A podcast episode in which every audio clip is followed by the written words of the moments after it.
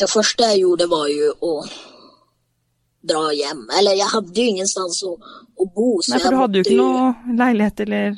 Jag, jag hade fått leie faktiskt en, en studentleilighet studentlägenhet över sommaren men jeg var liksom en sunkig lägenhet med an, en annans ting överallt. Jeg var liksom det var inget sted du vill vara när du är i det statet som jag var då.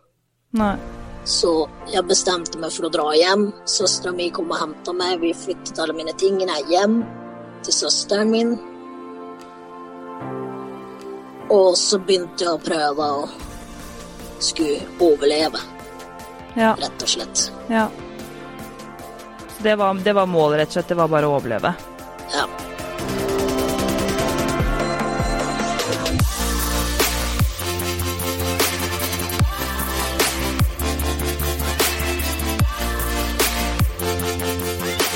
Jeg er så heldig å ha med meg tights.no på laget, som gir meg muligheten til å faktisk kunne lage denne podkasten, og det er jeg så utrolig glad for.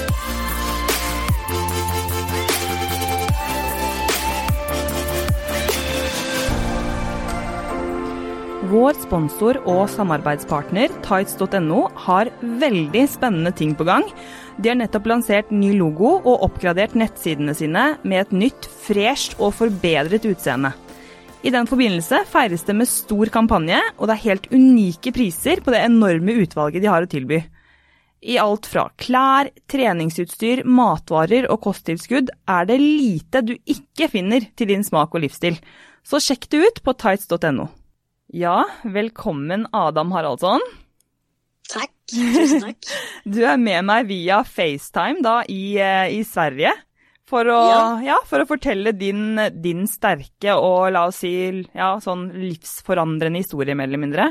Født med altså, en uvanlig sykdom og de hindringene du har overvunnet da, på veien, eh, og for å komme opp og videre i, i livet. Og i dag så sitter jo du nå og skriver bok, og etter det siste året som har vært eh, et insentiv, fordi at det har vært et av de tøffeste årene kanskje du har opplevd i, i eh, ditt liv, eller på en god stund, da. Så kan ikke du nå starte med å fortelle litt om, om deg og eh, Ja, altså hvor annerledes hverdagen din i dag er kontra hva den var for ett år siden? Tusen takk, Silje. det hyggelig å få meg med här. Ska jag börja å säga. Ja. Um, Adam heter jag och jeg jag är numera 34 år. Tiden springer fort iväg när man har det göj. Um, jag, jag tänkte att jag startar lite från begynnelsen för det här som du nämnde med en ovanlig sjukdom och sådär. Det är ju så här att uh, jag är adopterad från Indien. Eh, jeg ble adoptert når jeg var to måneder gammel fra et eh, barnehjem i eh, Calcutta. Og når jeg var to år så fant man ut at jeg hadde en veldig uvanlig og ganske alvorlig sykdom som het talasemi. Og det finnes olika grader av den her, og jeg har den høyeste graden da. Rent praktisk så betyr det at hver tredje uke så må jeg dra til sykehuset og få to enheter blod. Mm. Det vil si en, fem deciliter blod får jeg. Ja. Uh, fordi mine røde blodkropper kan ikke dannes og reproduseres så som de skal. da. Nei. Så det er eh, Og hva skjer hvis du da ikke får dette blodet? Ja, til, en, til å begynne med så blir jeg veldig trøtt og sliten og utmatta og orker ikke å gjøre så mye, men før eller senere så leder det jo til døden. Ja. ja det, er, så det, er jo, det er jo en alvorlig sykdom. Veldig alvorlig. Eh, man eh, har så stor forskjell på gradene da, fordi har man den lindrigste graden så kan man leve hele livet uten egentlig å vite at man er syk. Fordi man blir knappt påverket. Mm. Medan den alvorligste er da forknippet med døden hvis du ikke får behandling. Ja, og det er det er, jo, det er jo helt vanvittig å, å, høre på og tenke at du da har levd med dette her i så mange år. Du er 34 år nå, og du har levd med dette i så mange år. Vet du hvor mange som, som har denne sykdommen? Akkurat nå så vet jeg ikke hvor mange i Sverige som hadde det, men når jeg var tolv år, ja. så var vi på et sted der jeg fikk treffe andre som hadde det. Og da var vi tre stykker i hele Norden. Ja. Det vil si Sverige, Norge, Danmark, Finland, som man visste hadde denne sykdommen. Oi. Hvorav jeg er eldst av de, og enn i dag så tror man at jeg er den eldste levende i Sverige som har denne sykdommen. Det, det her oppdaga man da jeg var to år. Ja. Og her starta jo da en prosess som innebar at de første Eller de nestkommende to årene så var det jo i stort sett sykehus det, det eneste jeg opplevde. Ja. Eh, veldig svårt å sette i perspektiv hvor mye jeg var på sykehus og hvor, hvor mye jeg var hjemme når man er så ung, men jeg har i min research til boka så har jeg gått igjennom mine journaler, og jeg kan jo si at jeg er over 100 sider på mine første ti levnadsår. Ja. I bare sykehusjournaler. Guri malla. Altså det, og det her var altså etter at du hadde blitt uh, adoptert, eller? Mm, presis. Ja. Jeg, jeg, var, jeg ble, ble adoptert når jeg var to måneder, og hele første året var jeg veldig mye syk, og man skjønte ikke hvorfor. Jeg, var, jeg hadde mye lungebetennelse, forkjølelse, og så så småningom så begynte man å se litt mer, litt dypere på det, og så oppdaga man at eh, hemoglobinverdet, det som man da titta på eh, Vet du, når, vet du når dere fant ut? Altså, så du visste, Da du ble adoptert, så visste altså ikke din biologiske mor nei, at du var syk? Nei, nei ingen, ingen, visste. Nei, min biologiske mor, hun uh, vet man ingenting om heller. Utan da jeg var én dag gammelt, ble jeg levert på, på trappa til barnehjemmet. Ja, så, så da har du altså først blitt, eh, blitt, adoptert, og så har du da levd veldig mange altså, av dine første leveår på sykehus, mer eller mindre, frem og tilbake? Ja. ja. Så det var, sånn, det var sånn livet ditt startet. Og, og videre så har jo du da eh, opplevd en god del, men hvordan, hvordan, hvordan tok du deg eh, Altså, når du vi prøver å starte litt fra starten. At du, du, hadde denne sykdommen, og så begynte du da å finne en rutine på hvordan du skulle eh, holde deg frisk, da. For å si det ja, sånn. Ja, altså de, de, fant ut at de nødvendige blodtransfusjoner ca. i, i, starten var det veldig frekvent. Det var annenhver uke som jeg måtte dra til sykehuset, og de var veldig urolige, så jeg måtte stanne én til to dager hver gang.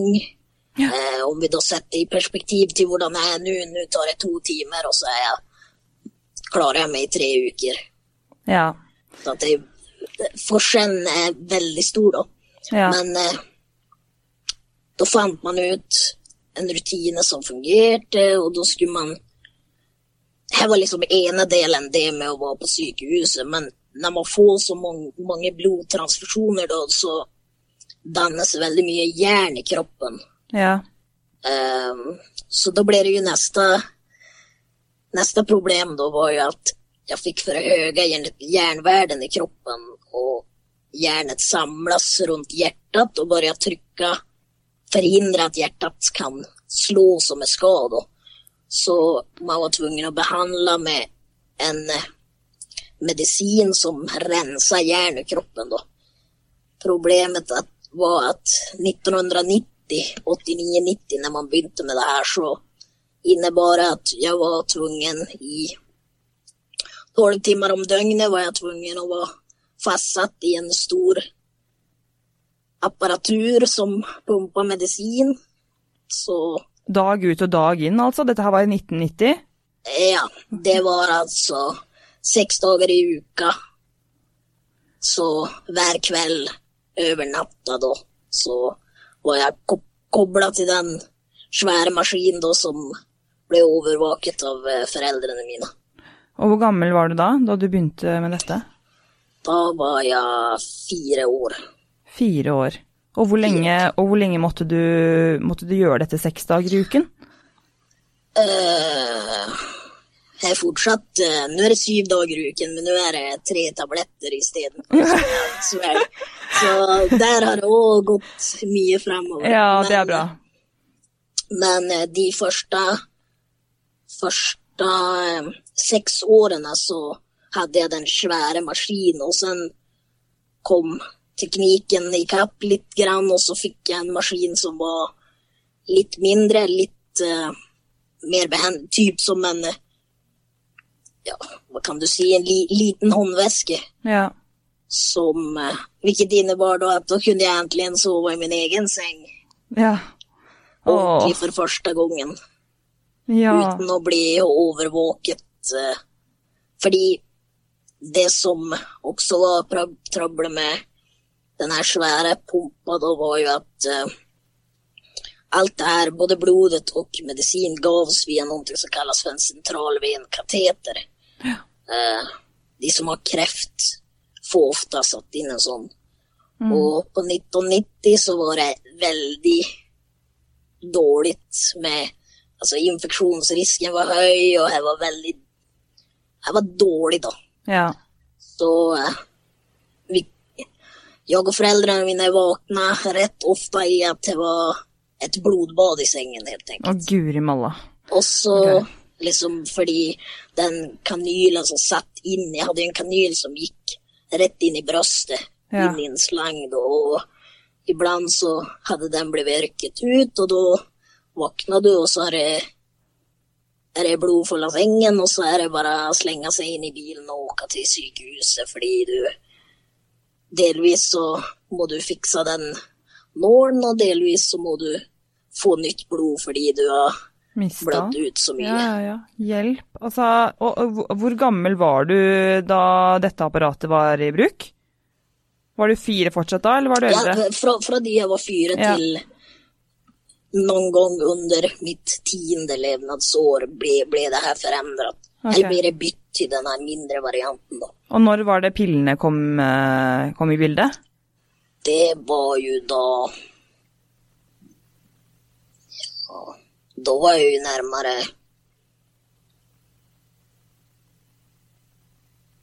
Jeg må jo ha vært Når jeg begynte i begynnelsen av gymnasieskolen, Okay. begynte jeg å kunne ta Da var det først sånn brustabletter som man løste opp i vann og Ja, ok. Ja, for du, du, du skjønner jo når du hører nå at det her setter virkelig perspektiv på livet, og hvor, hvor, hvor tøft dette har måttet være for deg og familien din eh, fra mer eller mindre dag én, da. Eh, og jeg, jeg sitter jo bare og blir helt eh, Jeg blir helt altså, overrasket og skjønner at det, det er eh, det er mye som jeg, som jeg ikke vet også, selv om jeg vet mye om deg. Men eh, jeg skulle jo inn på det også, at jeg spurte jo eh, i stad hvordan livet har forandret seg bare siste året, og det skal vi jo komme inn på. Men eh, jeg, jeg har jo kjent deg eh, noen år, og du, vi har jo jobbet sammen på, mm, på Asker treningssenter. Eh, og derfor så tenker jeg at det, det må jo være Altså, hvilke andre Du kan jo bare begynne å fortelle, da, kanskje hvilke andre eh, hvilke bivirkninger er det som kommer av da eh, denne blodsykdommen?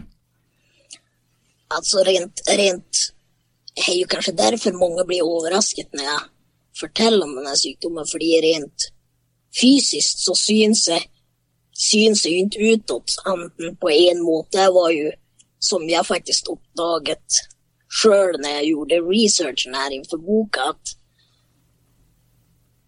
tidligere har man sagt at For jeg er jo veldig, jeg er jo veldig lav. Jeg er bare 144 centimeter lang. Men er dette noe som kommer av Ja, ko- Hvordan si.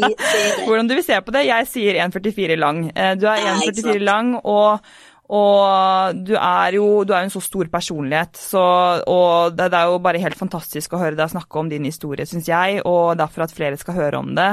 Men du er den, den Altså, høyden din, er det på grunn av da eh, slags altså blodmangel, da, eller blodsykdommen? Ja, det viste seg jo da at tidligere har jeg jo trodd at de, de var helt urelatert. Fordi jeg har ikke fått noen videre forklaring på det. Nei. Utan man har vel kanskje Jeg skal ikke si at man har underholdt, men man har, Hei, precis som med alt annet, har gått så mye frem, og man gjorde det beste man visste av det man, det bästa man kunde av det man visste då, Ja. 1989.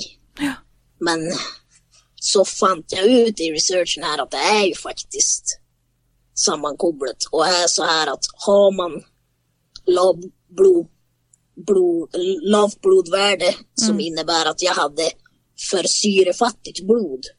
Syrefattig blod. Ok. Ikke sant? Ja. Så, fordi de røde blodkropparna transporterar ju syre Ja. i systemet. Ja. Men då du har lite röda blodkroppar så blir det ju sämre syretransport Mm. I kroppen, i kroppen då. Mm. Och eh, det är då direkt sammanlänkat med att det kan hämma växten. Ja. Nei, altså Så du, da har du gjort research på at det er, det er tilfellet. Ja. Og har du vært i kontakt med noen av, eh, av de andre som har eh, samme, samme sykdom? Nei, ikke siden den gangen da jeg var 12 år. Fordi jeg har faktisk ingen aning om... Nå vet jeg at det er flere faktisk som er Og jeg er For läge, den lege jeg har nå, som er min läge, hon har jobba med, med de her sjukdomarna veldig mye. Og er så lustig, for en dag så ringte hun meg og sa så. Du nå er en, nå har jeg fått en ny patient, en ung kille som er, har talasemi og han skal begynne på behandling og han er veldig orolig. Hva, hva skal jeg si til han? Ja. Når man sitter på andre siden, så låter det som et jätteprojekt men precis som andra som lever med kroniska sjukdomar och har fått göra det sedan sitt livs begynnelse.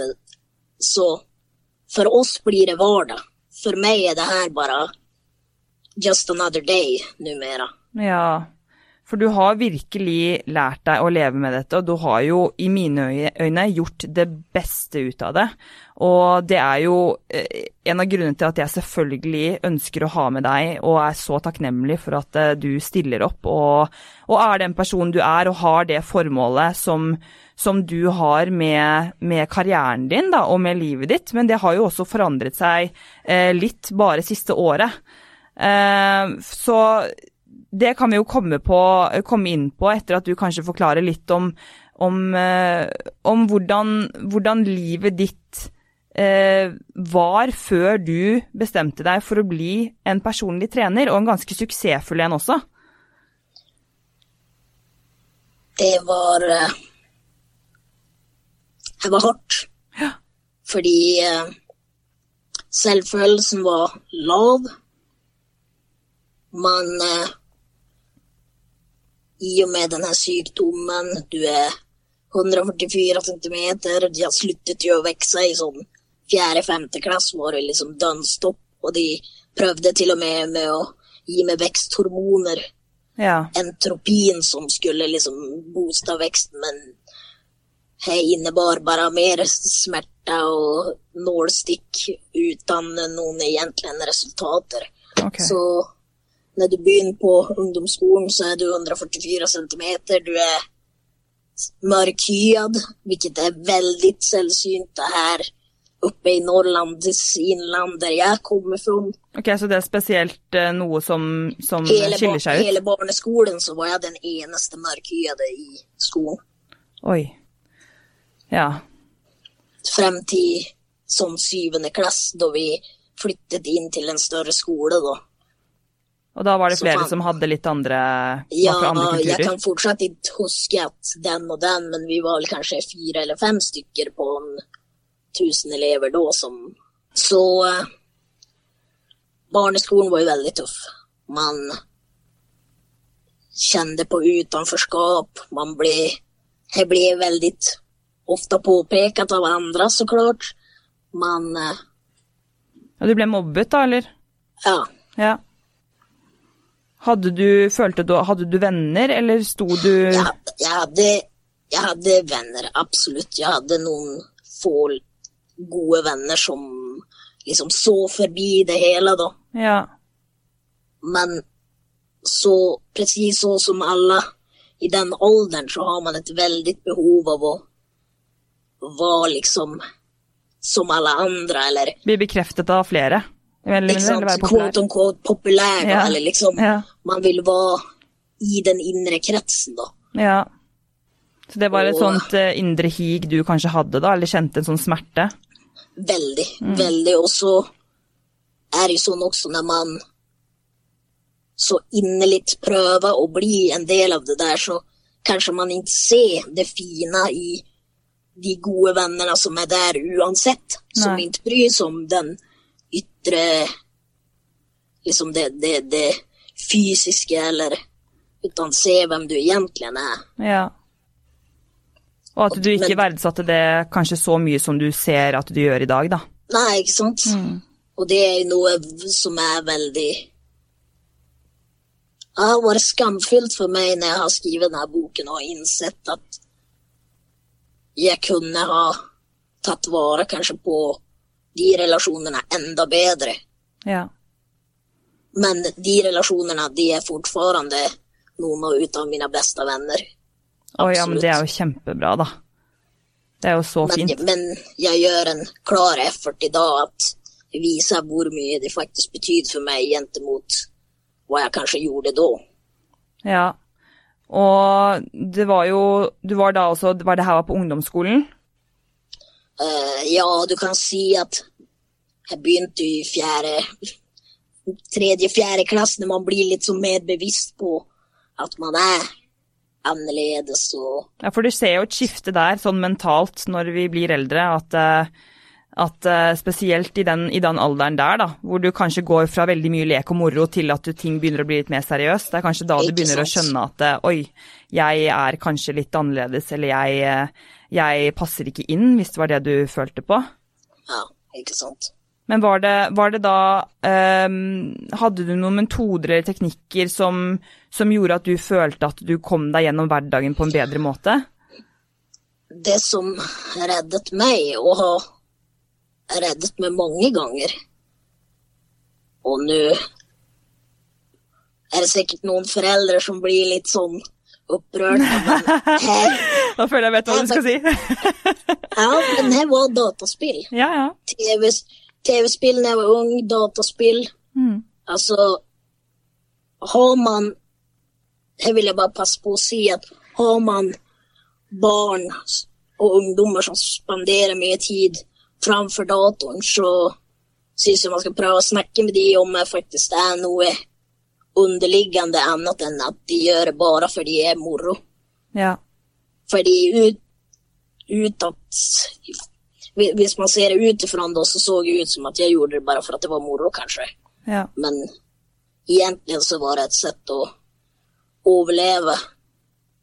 Ja, altså det er jo en kjempefin fin, eh, måte å kunne finne en avkobling på, og finne en eller annen slags terapi, da, i, eh, i gamingen. Det har iallfall jeg skjønt, sånn som jeg har snakket med, med broren min om dette. Fordi når du, når jeg da så småningom ble litt eldre, så fortsatte jeg å ha samme tilflukt, Men når du da loggar inn som en avatar i en verd der En avatar, altså en person som da ja, altså, er en brikke man ser jo liksom ikke at det er du. mm, Här var jo ingen som visste at jeg var 144 centimeter eller mörkhyad eller liksom mm, hvordan jeg var i virkeligheten. mm, Men å gå fra en virkelighet der du kände utenfor, verdløs, altså liksom ikke passa inn, og så loggar du inn, og så når du loggar inn der, da er det helt plutselig tiotusentals med mennesker som vet vem du er. Liksom, Ja. den, de vet hvem karakteren din er, de, de liksom Det er et helt annet univers, da. Du, du er konge, Ja. helt enkelt, i en låtsasverd. ja. Det er jo ikke rart du, du, man søker tilflukt uh, i det. Nei, ikke sant? Jeg fikk bekreftelse som jeg aldri noensinne har fått tidligere fra, fra det. Mm. Og det er jo en kjempefin måte for deg da å finne, som du sa, en tilflukt, men altså finne kanskje litt selvtillit i det. Eh, det handlet kanskje bare om å, å, å finne den selvtilliten som du klarte å ha der, og bringe det til det, til det normale livet, da, eller til det vanlige livet som du lever eh, hver dag. Ja, ikke sant?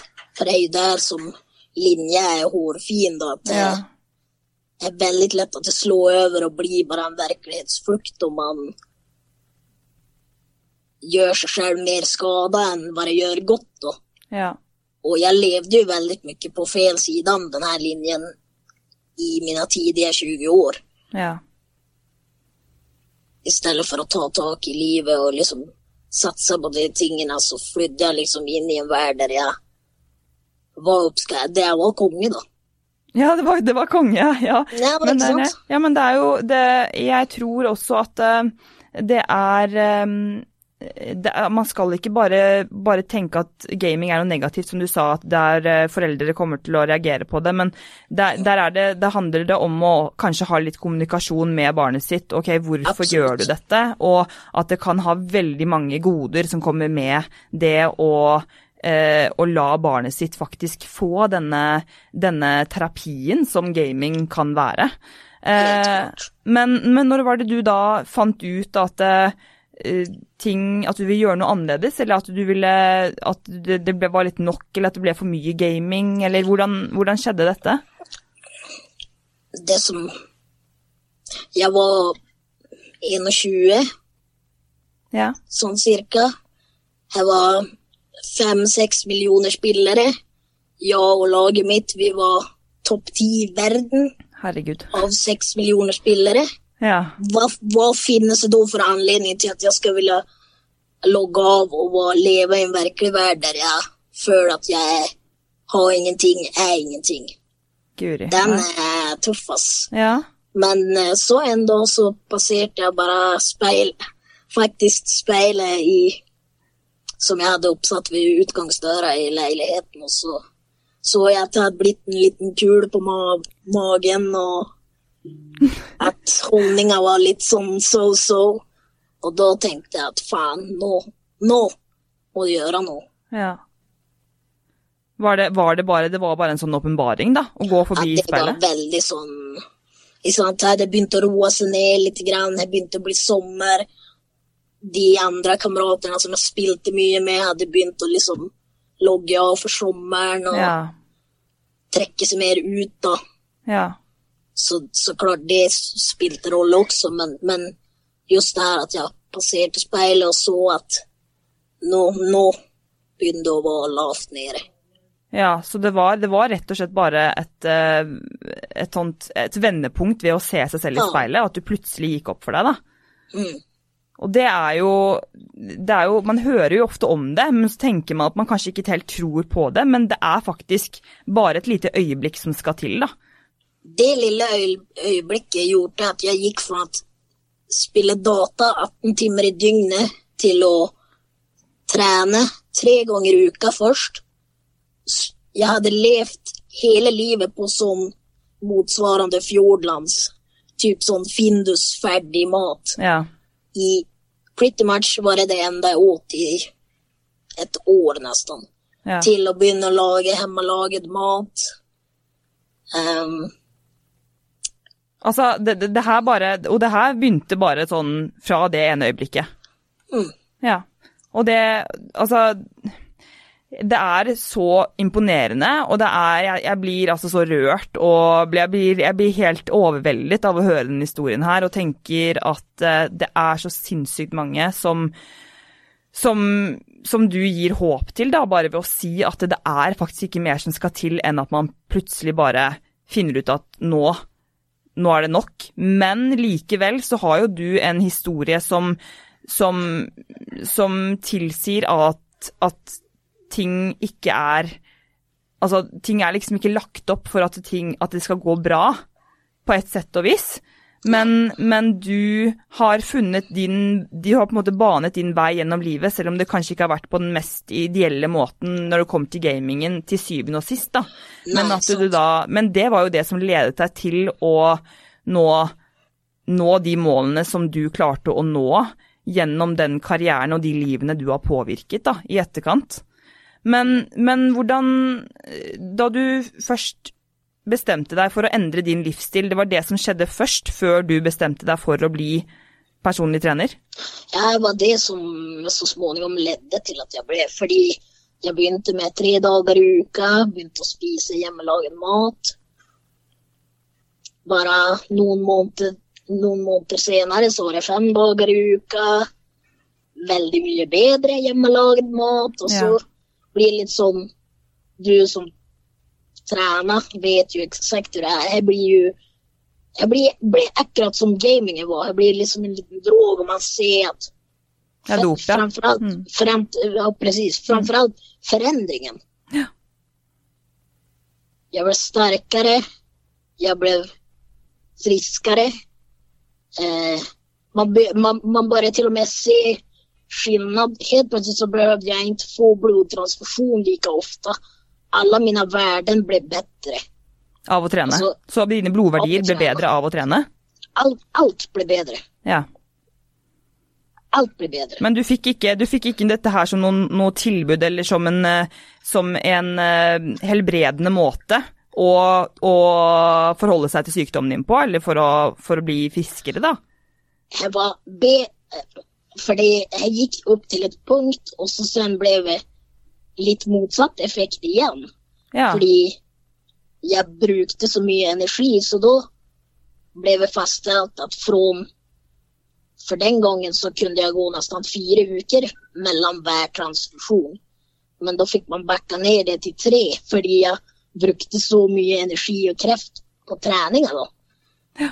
Og da fikk jeg i stedet høre at kanskje det er bedre hvis du ikke trener så mye, fordi da klarer du det en uke lengre. Ok. så, så det var egentlig en helt det motsatte av hva jeg trengte ja. å høre. Ja. Men du er jo veldig alt eller ingenting-person. Eh, det har jo vi også snakket mye om. Det er liksom Det er zero or 110. Eh, altså, det er Så Så jeg skjønner jo veldig godt det, men jeg skjønner jo også det at du endret fra å drive med gaming nesten på heltid ja, til, på å da, heltid, ja, si. ja, til å da begynne å, å, trene. Og gikk dette gradvis, da? Eller hvor, hvor, hvilket tidsperspektiv snakker vi om at du begynte å trene så mye at du måtte få beskjed om å trene mindre?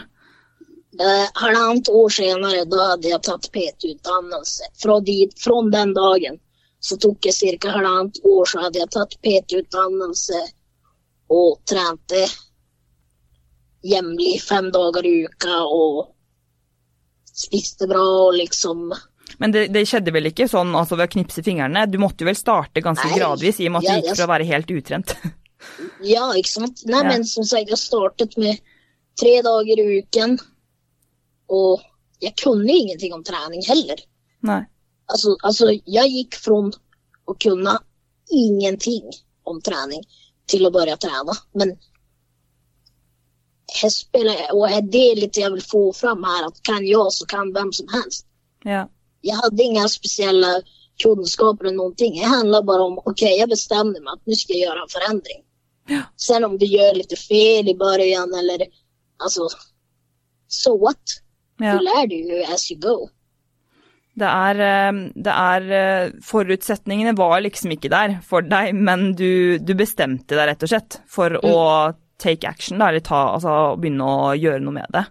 Mm. Uh, og det er jo som jeg sier, det er jo ikke noe annet enn inspirerende. Uh, og uh, det har jo sikkert ikke vært Det var jo ikke lett heller, vil jeg jo anta. Altså, det var ikke lett, men det var jo Var det da en ny tilflukt for deg gjennom treningen? Jeg fortsatte, fortsatte fortfarande å spille litt grann. Mm. Fordi det det var en såpass stor del av livet mitt og jeg var en Det var jo fortfarande det som hadde redda meg. Ja. hvor mye jeg enn skyldte nå på det stadiet jeg var i nå, så var det fortfarande det som en gang hadde räddat meg fra hvilket øde jeg nå kan ha lett til. Ja. Men eh, det som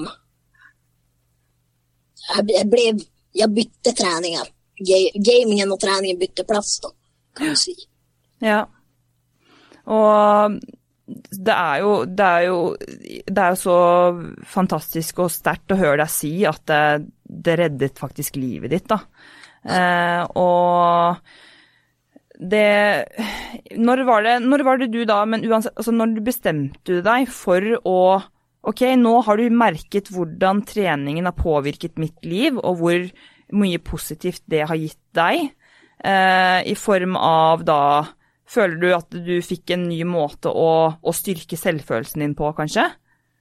Ja, altså, det er jo det som jeg også vil være veldig klar med å lyfte fram her, at det er jo den fysiske aspekten er jo kanskje nesten den minste aspekten som fysisk trening faktisk gjør for det.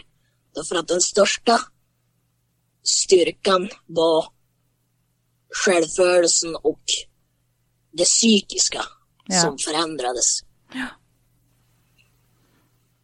Og det var, var det, var det motivasjonen som Var det et slags vendepunkt da også, at du, du fant ut at du hadde lyst til å bli personlig trener? Altså, det Én ting er jo at du vet hva treningen har gjort med, med deg og ditt liv, men at du skulle gjøre en karriere ut av det?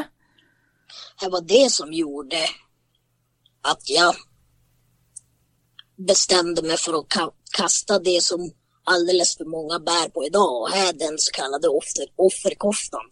Ja, Det er väldigt lett Mm. å si at det er synd om meg fordi jeg har ikke fått det og det, eller jeg ser ut så her, eller jeg er så her, Ja, i stedet for å bare get to work. ja, Og når jeg skjønte hvor mye treningen gjorde for meg mentalt og liksom på självkänslan, da förstod jeg at nå er det dags. Nu, nå er det liksom sista sjansen at Hei, sant, Det finns, du har hur många chanser på det som helst. Livet er langt og man kan gjøre det, men for meg var det litt sånn, her er sista sjansen. Antingen så kaster du den offerkoftan og gjør noe, eller så kommer du å bære på den resten av livet ditt. Ja, for du har jo allerede, i en alder av 21 år, da, så hadde du jo allerede opplevd noe de fleste ikke kan skjønne, eller makte å forstå, eller eh, føle. Så, så det, det er nok eh, det, Uansett, som du sier, det aldri, skal aldri være for sent å ta tak og gjøre noen ting med det, men for deg så er det kanskje ikke så rart at du følte at dette her det, nå er det noe jeg trenger å gjøre, for du hadde levd så, så lenge, så langt nede eh, som, du, som du kanskje gjorde. Mm. Eh, og det, det er eh, da altså ett år etter at du begynte å trene, at du utdannet deg som personlig trener. Ja, Og det gjorde du i Stockholm. yes. Yes. Og det er da altså 13 år siden.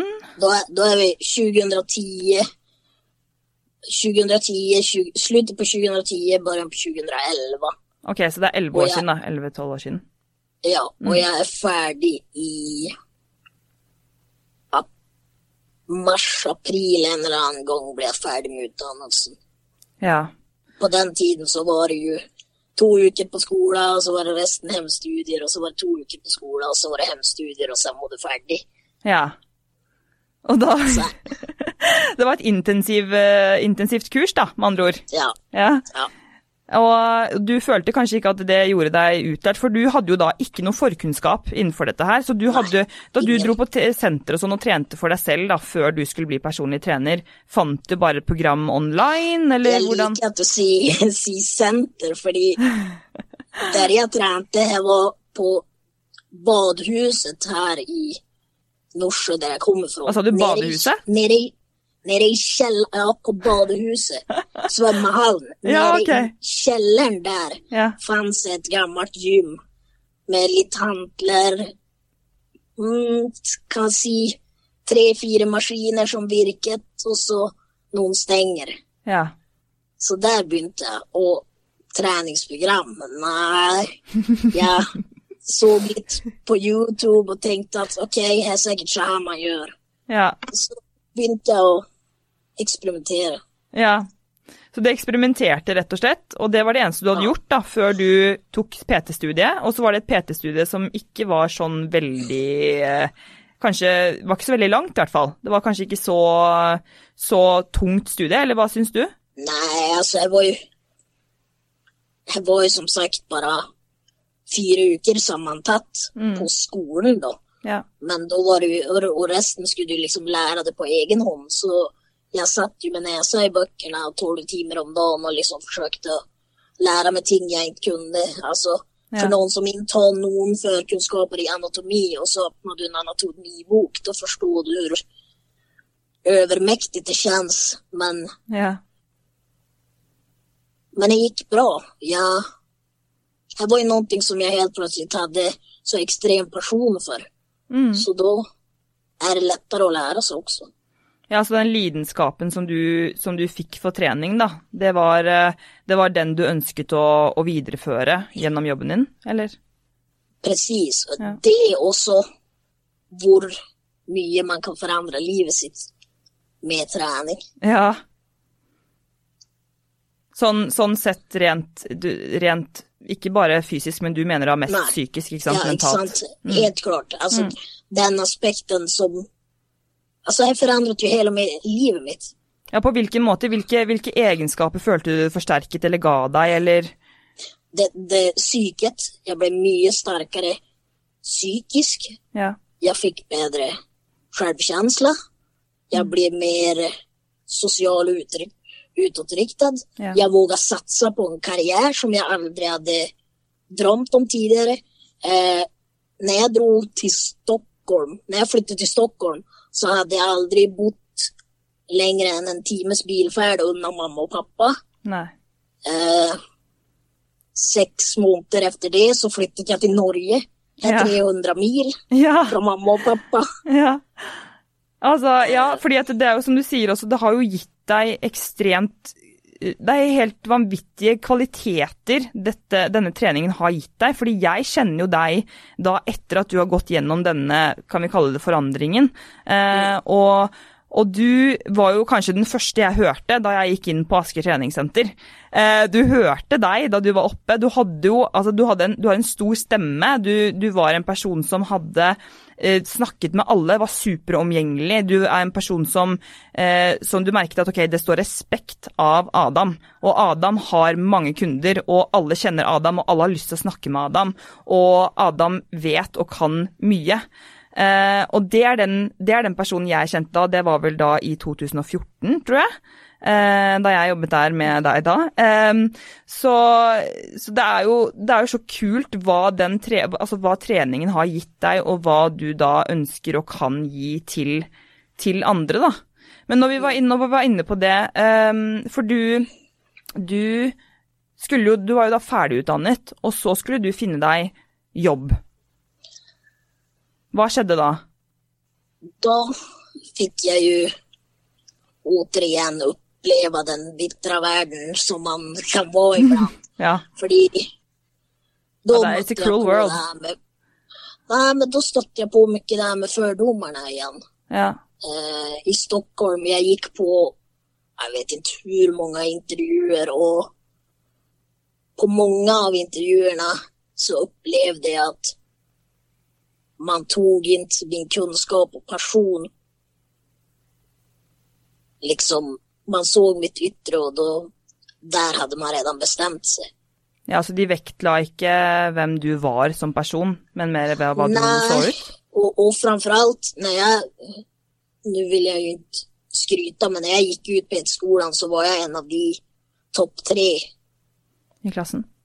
i klassen. Mm. Og från å kunne ingenting om anatomi til å ha ett fel på sluttentan i anatomi och liksom sådana ting Ja. så tyckte jag att man bara förbisåg kunskaperna jag var på då. och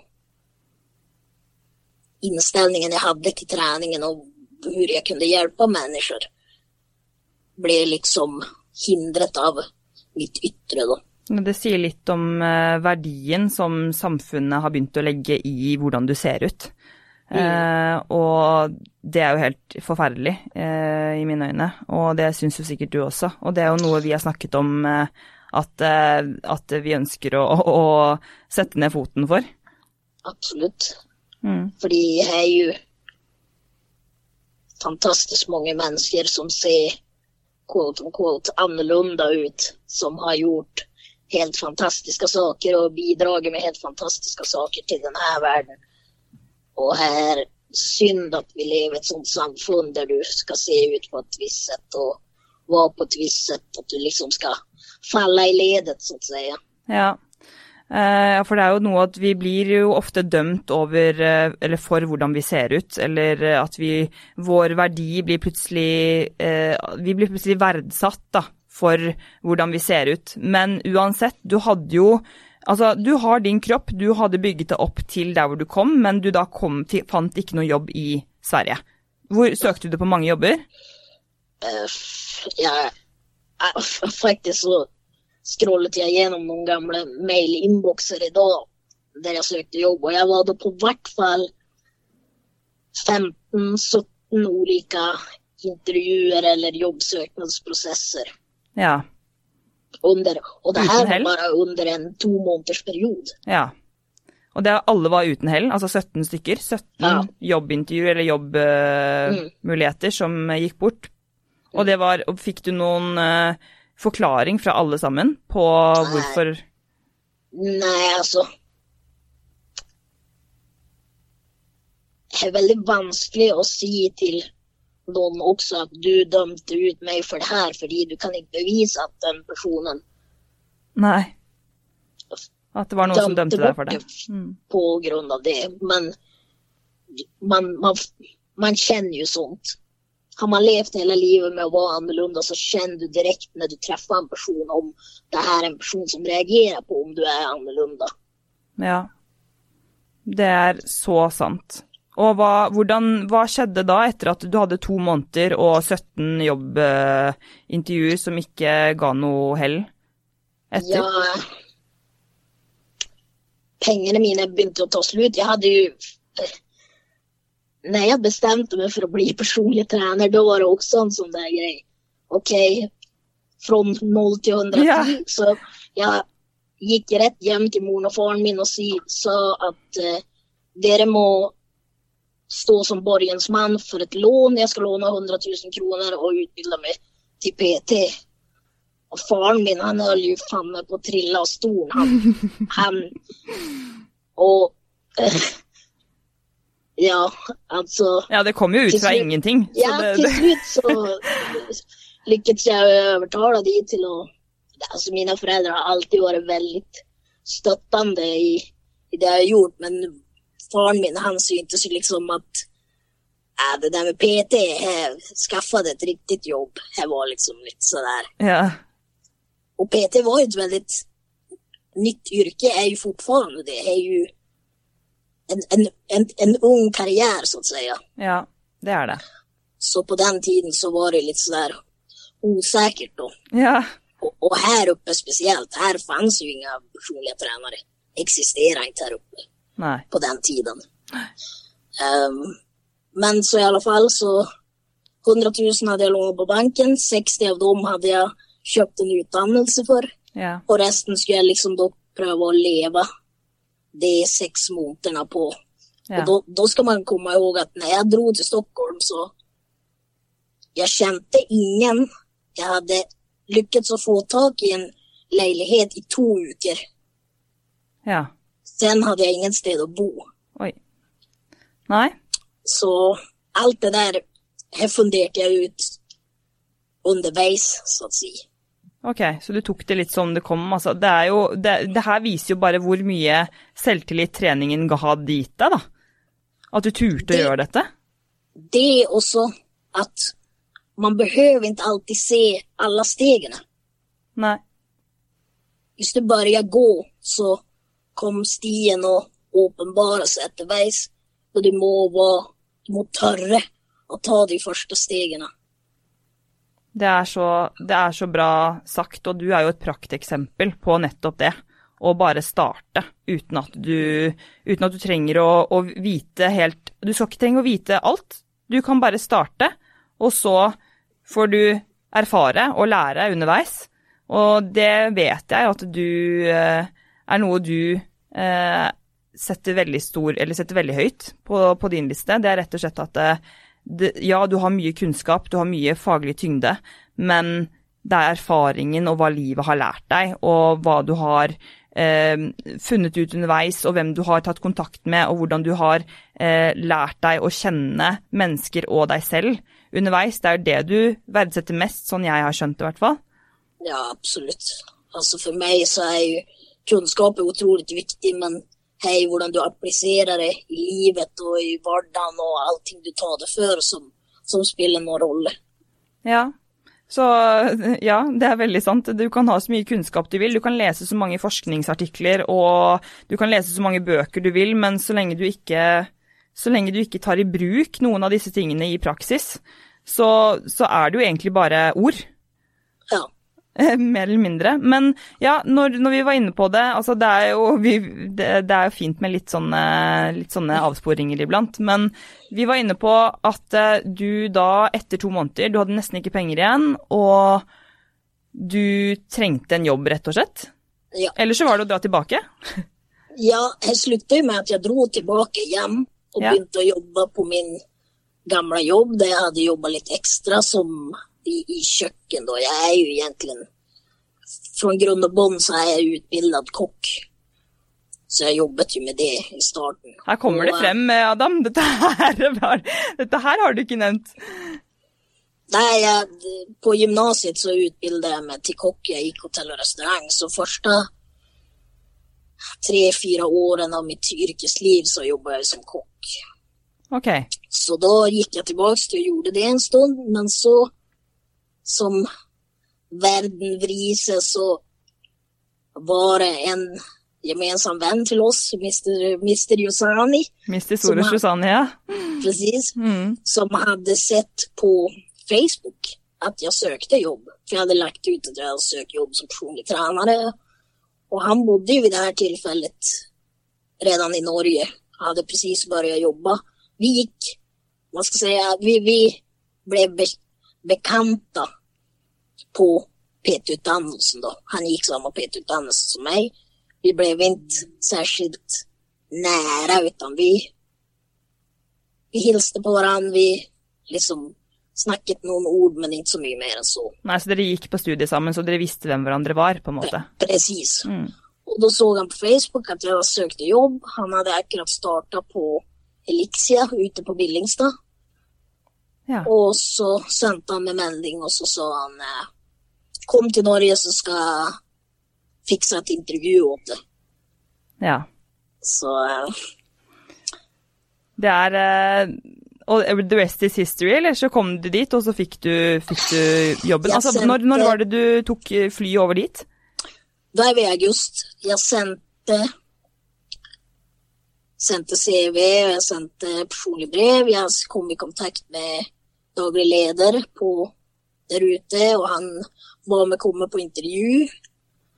Eh, samme dagen pakket jeg to reisevesker, og så sa jeg til moren min at jeg drar til Norge, og jeg kommer ikke tilbake. Og hun, hun lo jo. Hun lo, ja. Du prøvde å være sånn, dramatisk. Men hallo, du ja. drar til Norge, og du kommer ikke tilbake. Mm. Jeg tok eh, åtte år derfra før jeg kom tilbake. Ja.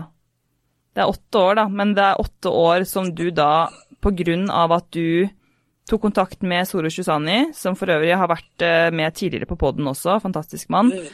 eh, og tok kontakt med han, og så skaffet han Eller han snakket da med de daglige lederne, eller på, mm. på Elexia Billingstad, og så starta du der Fikk du jobben med en gang, eller? Jeg dro ned, og Soros skulle akkurat dra hjem til hjemlandet sitt for å treffe familien. Mm. Uh, han ga meg nøklene til leiligheten sin og sa du kan bo i mitt rom medan jeg er borte. Uh, jeg fikk jobben. Og fra det var liksom der det starta, da. Det var der det starta, ja. Og det er jo mer eller mindre på rundt samme tid som jeg da har blitt kjent med deg, da. Eh, kanskje litt grann senere, men eh, jeg, tror at jeg så deg på Alexia også. Eh, det var jo sånn jeg også ble kjent med Soros, at han ropte til meg over uh, halve Billingstad-lokalet. At jeg sto og gjorde biceps curls i uh, kabelracket. Men, uh, men, men, du begynte da på Alexia Billingstad, og så ble du med over til Asker treningssenter. Stemmer. Og, men altså, hvordan har, hvordan har, dette utviklet seg sånn Føler du at du, du klarte å bygge deg opp innenfor uh, som personlig trener, følte du at du hadde um, du hadde selvtillit, eller følte du at du tvilte noe underveis der? Det var jo det som var veldig interessant, for jeg var jo full av selvtillit og liksom Det her kan jeg jo nå. Og ja. når jeg da begynte på Elixia, så Tingen med vår utdannelse som jeg hadde gått, var jo at det var ingen som snakket om at du må faktisk selge personlig trening for å ha noen å trene. Så jeg trodde jo at jeg skulle bare dit, og så kommer masse folk, og så skal jeg trene dem og dele kunnskap og erfarenhet. og ja, ja, det bare kommer men, liksom regnende ned. Eh. Ja, men ikke sant. ja. eh, så her ble jo en veldig smell for meg, så jeg var faktisk, gikk faktisk så langt at Første måneden var så tøff at jeg ble innkalt i, på daglig leders kontor, og han eh, var veldig alvorlig og sa liksom at du har akkurat de samme forutsetningene som alle andre, så du har én måned på det å leverere si og så mange timer. Ja. Ellers så er du gal. Ja. Så det var da en sånn uh, make it or break it-periode? Uh, eller uh, Veldig. insentiv? Ja. Mm på den uka så ringte jeg 500 samtaler og booket nestkommende uke smekkfull. Og sluttet på den måneden så var jeg fullbooka. Ja. Så du bare Altså, det er et eller annet med, med, din, med din, drivkraft og hvor du får motivasjon for, fra. Altså, altså, det er Jeg føler at jeg ser et sånn gjenkjennende eh, opplegg her i, underveis i livet ditt og hva som har skjedd, eh, skjedd fram til nå. At eh, den eh, du, du, trenger nesten å få en sånn uh, at du blir påtent i ræva, holdt jeg på å si. Ja, ja men altså, jeg er litt sånn kniven mot strupen. Ja. Da, da, da skjer det ting. Ja. Men, men, der var det litt sånn Ja, skal jeg måtte Jeg hadde jo sagt til moren min at jeg skulle ikke komme tilbake. Skal, skal jeg da pakke veskene og dra tilbake igjen? Men da har jeg mislykkes, og så har mine foreldre fått rett, eller faren min har fått rett i at det der er jo ingenting. Nei. Men fader hvor... heller. Nei, nei, det, det, skal, det, skal, fader ikke være tilfellet. Men altså, eh, det er jo en ting at dette har vært et mønster, men det har jo faktisk fått deg dit du er i dag. Og da snakker vi om at du da fikk Hvor mange kunder var det du booket inn på denne perioden? Ja, vanskelig å si, men hvis du Altså, jeg hadde jo kalenderen full. Vi jobbet jo ekstremt lange dager. Jeg kom jo syv-åtte om morgenen og dro ni-ti om kvelden hver eneste dag. Ja. Så dette var liksom Dette var livet ditt? Ja. Ja. Og det er jo sånn det er også med når du, skal, når du skal lykkes som PT, eller hvis du virkelig har lyst til å lykkes som PT, så så krever det jo at du virkelig stålsetter deg for mye arbeid og for lange, lange dager på senteret. Ja, veldig. Mm. Men OK, så fram til nå så har jo du da Du har blitt personlig trener, du har startet på Lexia Billingstad, og du klarte å jobbe deg opp igjen til å bli en av kanskje de Var du en av de mestselgende på Billingstad da, eller? Ja, altså vi var jo vi var fire stykker der, og vi gjorde det alle veldig bra. Altså, vi, vi var en veldig teit gruppe som Alle gjorde det veldig bra. Mm. Og, så, og så, hva skjedde da? Og så dro du videre til Asker treningssenter på hvilket tidspunkt? Uh, vi jobbet på Elixia i ca. ett og et halvt år. Mm. Sen tyckte vi at for, för jeg og Ja, du vet jo hur Soros är, Han har jo tusen og en ideer. Og ja. jeg er jo veldig sånn også, vi må prøve ting. Og, Men så ble vi jo holdt veldig innenfor rammene, syntes vi da. Så da valgte Soros å slutte, og så tenkte jeg at eh, da skal jeg ha det. Ja. Og da ble du med på teamet. Du fulgte med.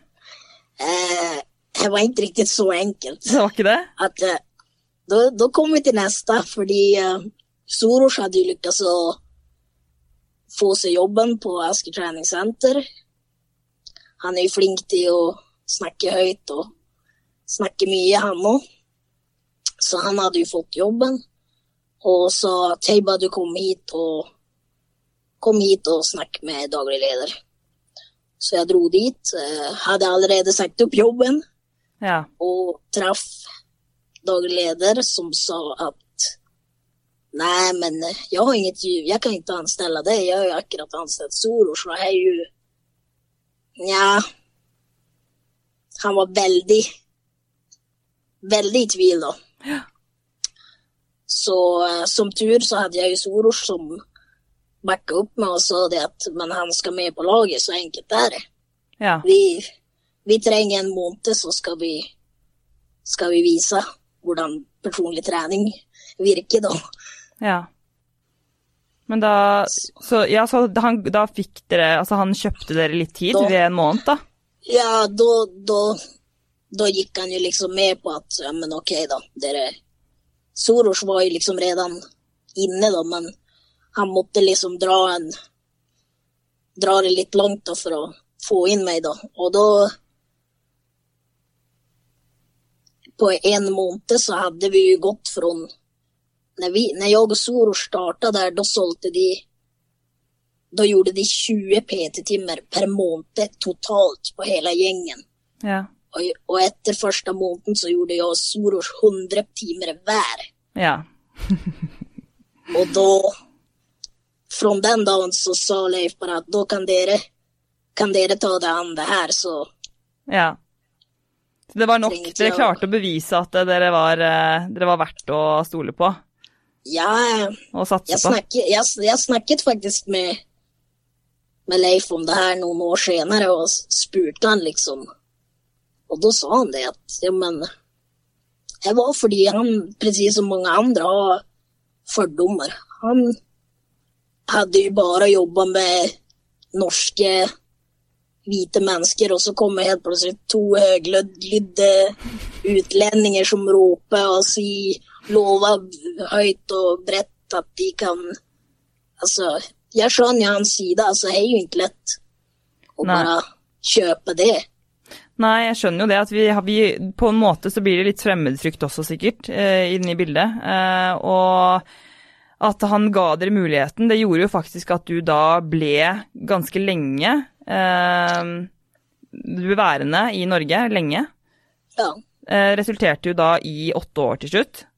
Eh, og du bygget da opp en, eh, en utrolig stor kundebase, det husker jeg veldig godt på Ask treningssenter. Og du fortsatte jo å jobbe og inspirere og eh, drive på med trening på ganske høyt nivå også. Og mye sånn, litt sånn eh, bodybuilding og greier inn i bildet, som du, som du også har gjort. Eh, og så bestemte du deg for å flytte tilbake til Sverige. Ja, fordi da hadde jeg en periode jobbet med litt annet, for jeg er jo en sånn som kjenner at jeg må hele tiden bli stimulert og utmannet i jobben jeg gjør, og jeg syntes at jeg satt litt fast i rutinen på som PT. Ja. Og jeg begynte å interessere meg mer for selg, for å selge ting, og hvordan liksom Teoriene bak det, da, helt enkelt. Så jeg søkte en jobb som Eller først så begynte jeg å jobbe litt på et callsenter. Og her var ingenting for meg alls. Callsenter, nei. Nei, altså du, du, var- du tok imot telefoner fra Ja, mennesker? Ja. jeg var veldig dårlig på det. Ok. Fryktelig dårlig. Hvorfor var det dårlig? Fordi man opplever ikke hele meg når man bare snakker med meg på telefon.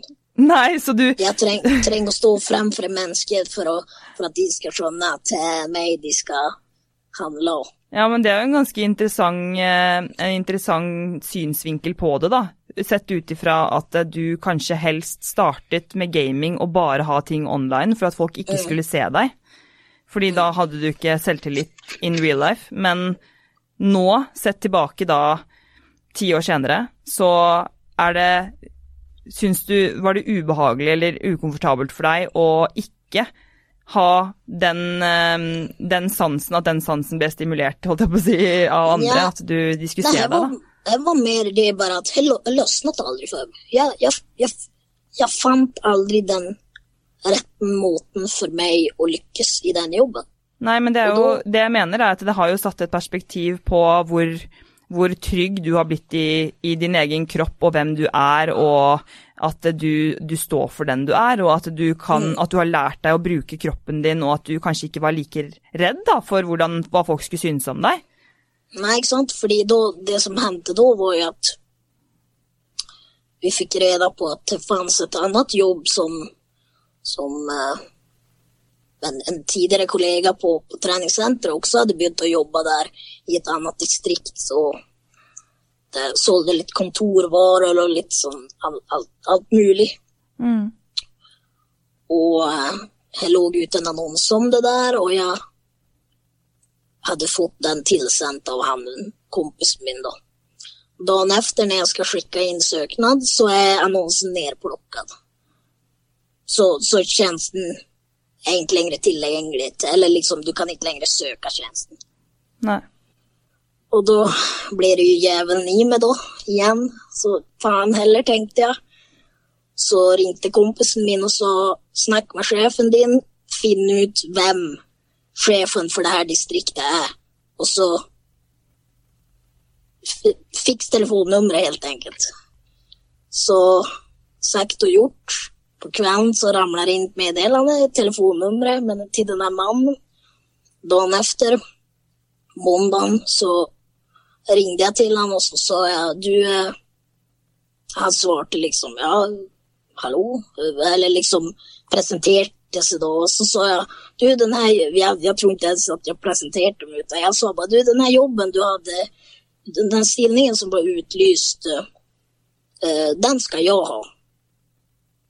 Och da ble det sånn Hvem faen er du som tror at du bare kan komme og si Jo, men så er du, Jeg lover jeg, jeg er rett for deg den, den jobben.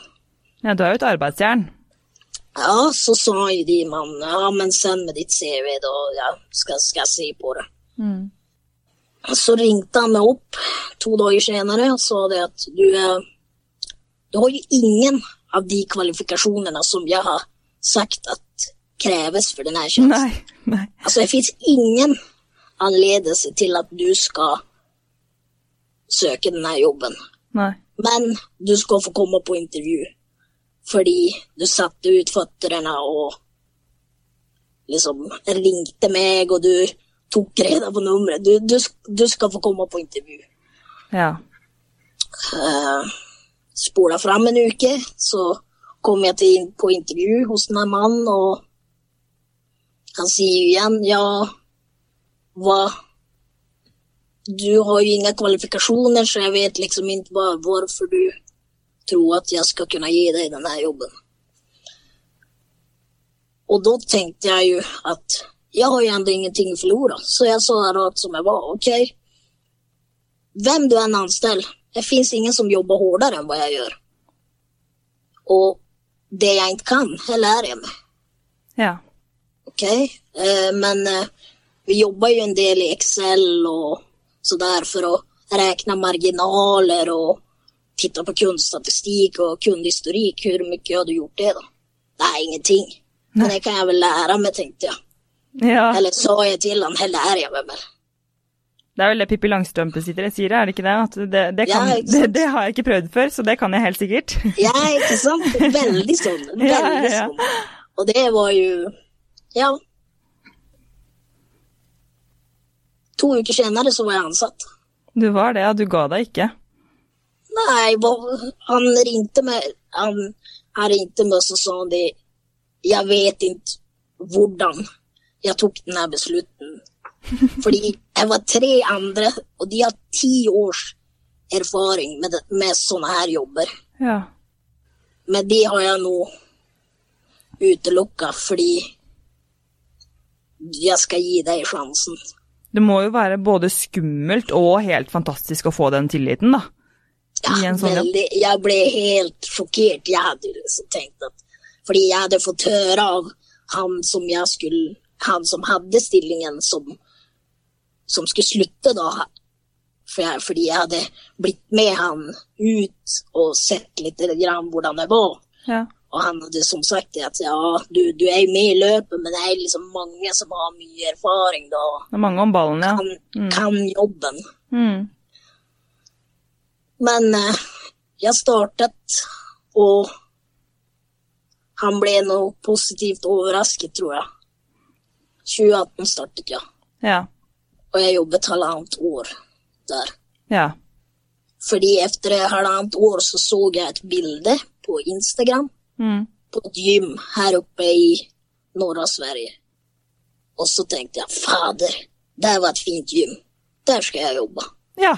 Så sa jeg opp jobben, og så ringte jeg faren min og sa du, jeg skal flytte hjem, du må komme med husbilen og med bobilen og hente meg.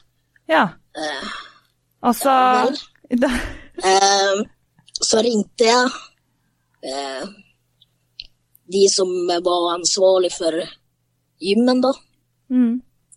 Og hun sa jo det at jeg har ingen jobb til deg. Du, vi har ingen jobb. Nei. Nei vel, greit. Men når jeg kommer tilbake til Sverige, da skal vi ses, sa jeg. Ja vel, tenkte hun. Og når jeg kom til Sverige noen måneder senere, da Så nå, nå er vi i Nå er, 2019, vi- nå er vi i august i september 2019. og det var da du flytta tilbake til Sverige. Da dro jeg tilbake til Sverige. Ja. Eh, da ringte jeg henne igjen. Eh, fortsatt ingen jobb til deg. Ok, men, men så sa hun nå er det en annen dame som ansvarer for PT-avdelinga. Ja. All right, sa jeg. Får jeg nummeret? Takk. Eh, Ja. Til dama. Ja. Eh, jeg, jeg vil komme og møte deg. Ja. Ja, greit. Vi har fortsatt ingen jobb, men greit, vi kan godt møtes hvis du er villig til å komme. Det her var jo da 16 mil fra der jeg foreldrene mine bodde, så de var litt sånn ja, hvis du er villig til å ta turen, så bare kom du. ja. Så hun viste meg litt rundt, og så satte vi oss ned på kontoret og snakket litt. Og etter 20 minutter så hadde, så hadde de en jobb til meg allikevel. De hadde det, ja. Så du klarte å snakke deg inn der òg? Ja, men de ville jo ikke si det på plass, og de prøvde liksom å holde på det noen dager, men jeg var sikker. Jeg hadde skaffa leilighet og alt, jeg var redan sikker på at jeg kom å få den jobben. Du har, en, du har en veldig imponerende altså, personlighet, vil jeg si. Eller eh, noen, eh, noen egenskaper der som jeg vet i hvert fall jeg eh, kanskje ikke helt har. Jeg er vel kanskje litt mer at det trenger noen sikkerhet på noen måte. Men, men du tar virkelig bare sjanser.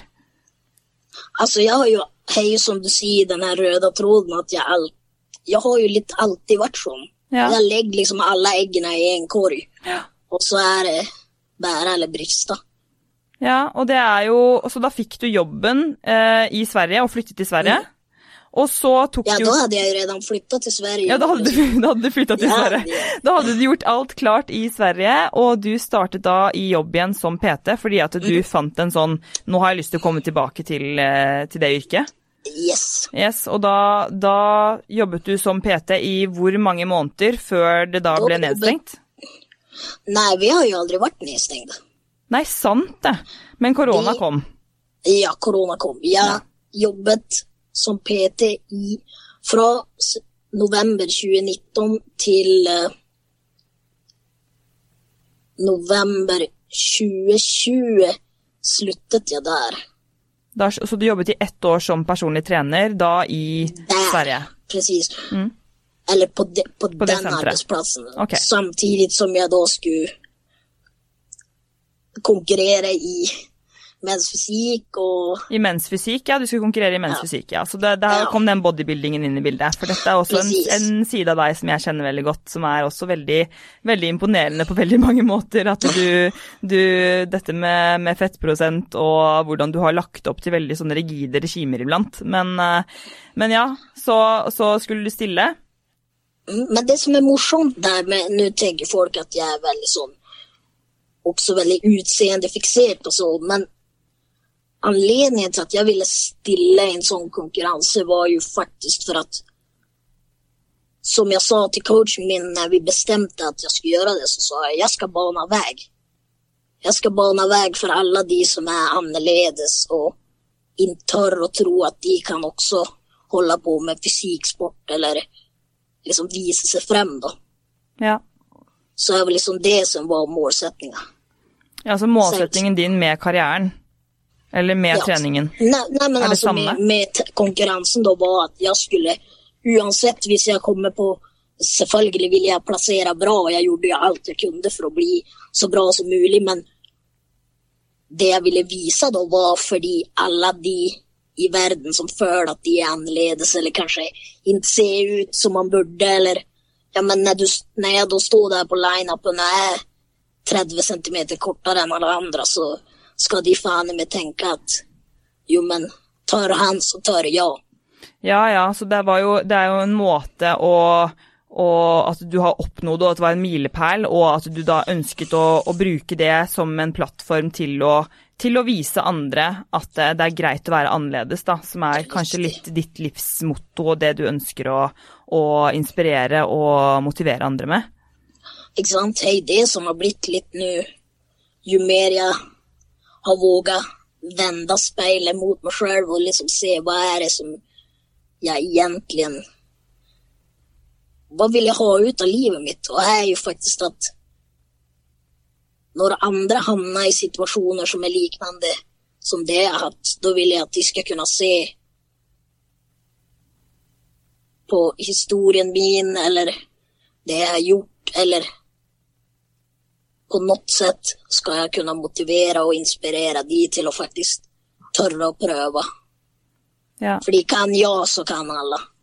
Ja, og det er, det er så flott, eh, Adam, og det, det gjør det jo også. Og du hadde jo, du hadde jo da jobbet, eh, som sagt, tilbake i, i jobben da i ett år, og da fikk du kanskje litt mer av den, den stimulien som du følte at du manglet litt i den andre jobben du hadde som personlig trener, for da får du jobbe Jeg vet i hvert fall hvordan jeg kjenner det når jeg hjelper andre mennesker og kan jobbe i Eh, med det formålet og mot det målet som jeg har med min lidenskap innenfor eh, trening.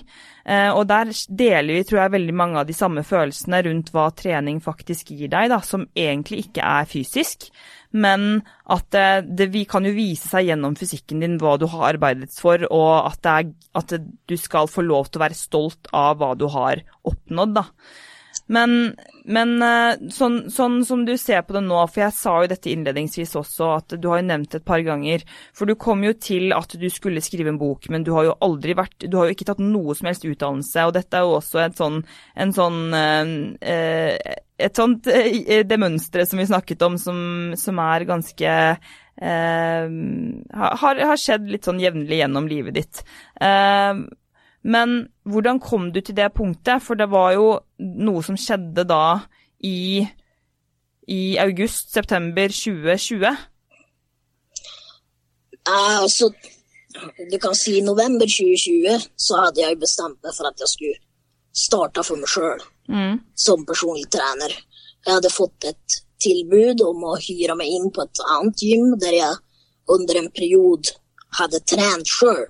För jeg likte miljøet, jeg likte menneskene. de var genuint interessert av trening. Eierne der var veldig nøye med at liksom hänga med i utviklingen i bransjen, då. Eh, Så jeg følte at det var et bra sted. Mm. Så midt i koronapandemien her, så sa jeg opp jobben igjen. startet for meg sjøl og begynte å skulle skaffe kunder. Ja. Men eh, vanskelig å skaffe kunder midt i en pandemi.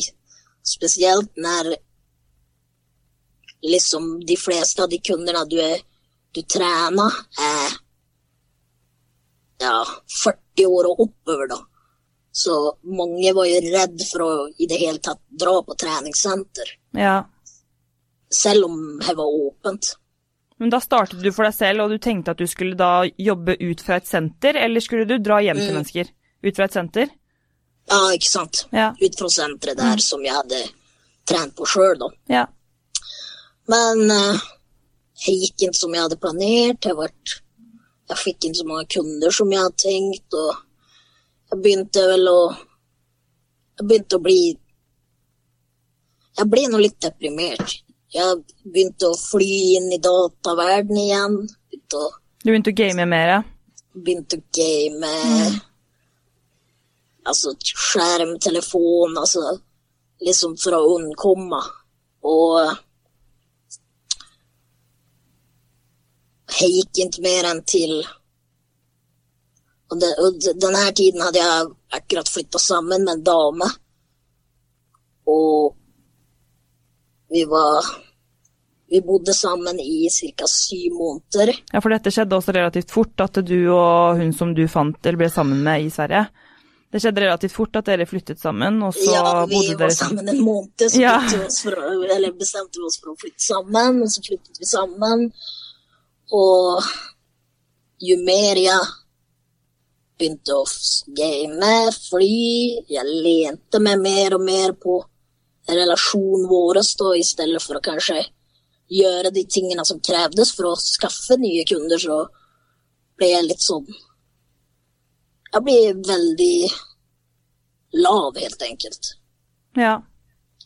Følte sånn at jeg Og virkelig bunntraff da når hun Når vi separerte. ja, så det gikk liksom Det, gikk, det var allerede litt sånn nedad, nedadgående, humøret Ja. ditt og, og psyken din og hvordan du hadde det. Ja, Det var allerede litt sånn på vei ned, fordi at du ikke Ja. klarte å bygge det opp, da. Den, så den karrieren som du tenkte at du kom til å få gjennom å starte for deg selv, og så, Mm. og så skjedde det da at hun plutselig en dag sa at det var slutt. Ja, da ville hun ikke lenger være sammen, og så Da traff jeg virkelig bunn, for da Vi bodde jo i hennes leilighet. Så da hadde jeg ingen sted å bo. Jeg hadde ingen jobb. Og jeg følte liksom at jeg var Da var jeg faktisk redd å cashe inn helt og holdent. Du var det, ja. Var, Så da var du, var du liksom- var du klar til å virkelig ende det var, det var første gangen på mange år som jeg følte den følelsen igjen at nå Nå Ja. kan jeg like gjerne bare avslutte det. Fordi du føl, ikke følte at du hadde noen av de tingene i livet som, som du Ja, ikke sant? følte at Jeg, jeg, jeg følte at jeg hadde ingenting, da. Du hadde ingenting å leve for, på en måte? Ja. Nei. Men eh, altså, for det er jo ganske tunge, tung, tunge tanker og følelser å sitte med, og jeg også har jo kjent på at jeg har sittet med disse tankene fra tid til annen, og det er, altså, det er veldig vanskelig å skjønne seg på hvis man ikke har gjort det, men jeg vet at det er veldig mange som har gjort det. Og hva, hva, hva tenkte du da, da du sto i den situasjonen, og hvordan skulle du komme deg videre derfra? Det første jeg gjorde, var jo å dra hjem. Eller jeg hadde jo ingenstans å, å bo. Nei, for du hadde jo ikke noe leilighet eller jobb. Jeg, jeg hadde fått leie faktisk en, en eh, studentleilighet over sommeren, men jeg var liksom en sunkig lägenhet med en, en annens ting overalt. Det var liksom... Det var inget sted du ville være når du er i det statet som jeg var da. Nei. Så jeg bestemte meg for å dra hjem. Søstera min kom og henta meg. Vi flyttet alle mine tingene hjem til søsteren min. Og så begynte jeg å prøve å skulle överleva, Ja, rett og slett. ja. Så det var, det var målet, rett og slett. Det var bare å overleve. Ja. Hvor, Komme seg ut av mørket og liksom finne noen ting som var verdt å gjøre noe overhodet for, for, for å overleve. for å overleve. Og var det da Var gaming inne i bildet da? Nei. Nei, da var det, da var det For, ingenting. fordi jeg, fantes fanns ingen glede i det lenger. Nei, Utan du hadde kommet jo, så langt ned. det var i, min, I mine øyne da så var det en del av det som døde forholdet vårt. Ja. Det var at du hadde begynt å game imens du var sammen med hun eh, Det hade jag med eksen din. när vi ble sammen også, Men, Ja. men någonstans så hadde jeg innbilt meg at det var det som liksom var en bidragande faktor då. Ja, det var Ja, det kan det jo absolutt være. Så at nå hadde jeg altså ingen av de tingene som jeg pleide å synes var gøy da, Mm. var lenger gøy. Skjønner. Og ja, eh, jeg tror jeg kan kjenne litt på den, den fortaptheten som du, som du prøver å formidle nå, og det er ikke Det er ikke noe gøy. Altså, det er, det er så forferdelig. Ehm, og da tenker jo jeg Fordi det her var det tidspunktet som som du kanskje var lang, lengst nede på mange år, helt siden kanskje du, du var i dine tidligere år i ungdommene, kanskje. Eh, og hva, hva var det som gjorde at du da kom til det punktet hvor du hvor, Hva var vendepunktet? Begynte å lese en del bøker, selvhjelpsbøker. Fordi hun var veldig inne på det med selvhjelp, og så jeg tenkte at Hvem, hvem var det? Kjær... eh, Eksen din? kjæresten, Eks, Ja. eh, eksen min. Så jeg tenkte at ja, men kanskje jeg skal prøve. Ja. Så begynte å lese, lese en bok. Og så leste jeg en til, og så leste jeg en til, og så helt plutselig så konsumerte jeg bøker. Jeg så på motivasjonsvideoer på YouTube, og jeg begynte å lysne på podkast. Jeg fikk meg en jobb, Ja. en tilfeldig sommerjobb. Mm. Og da begynte tingene å liksom Helt plutselig så begynte jeg å se at det finnes saker som er verdt å leve for, da. ja. Så du, du begynte rett og slett å ta tak i bøkene og begynne å utvikle deg selv og din syke mer på en annen måte enn hvordan du kanskje du, For du hadde jo det som jeg i hvert fall har innsett, at jeg har jo styrt mye gjennom kanskje ytre faktorer. Selv om jeg mener at jeg, jeg har, treningen har hjulpet meg til å komme dit jeg er i dag. Men så handler det om litt den at ja, og så blir du så dratt med på hele denne bølgen, og du, du fortsetter å utvikle deg kanskje innenfor, innenfor bransjen og som en karakter eller som en rolle, som en personlig trener. Men, men du mangler kanskje den dybden i, i selvutvikling og hvem du faktisk er, og bli kjent med deg selv, da. Man må liksom ikke glemme at når man trener så mye fysisk som vi gjør, Mm. så må du ikke glemme å trene det psykiske også. Nei. Det er fordi det fysiske bidrar en god del, men bare opp til et visst punkt. Ja. må du faktisk gjøre aktive grep for psyken din også. Så, og det gjorde jeg også. Det første jeg gjorde, faktisk så skjønner jeg ikke riktig hvor jeg var så klarsynt at jeg faktisk gjorde det, men bare noen dager etter, etter jeg ble slutt, så eh, konsulterte jeg en mental coach som jeg nå har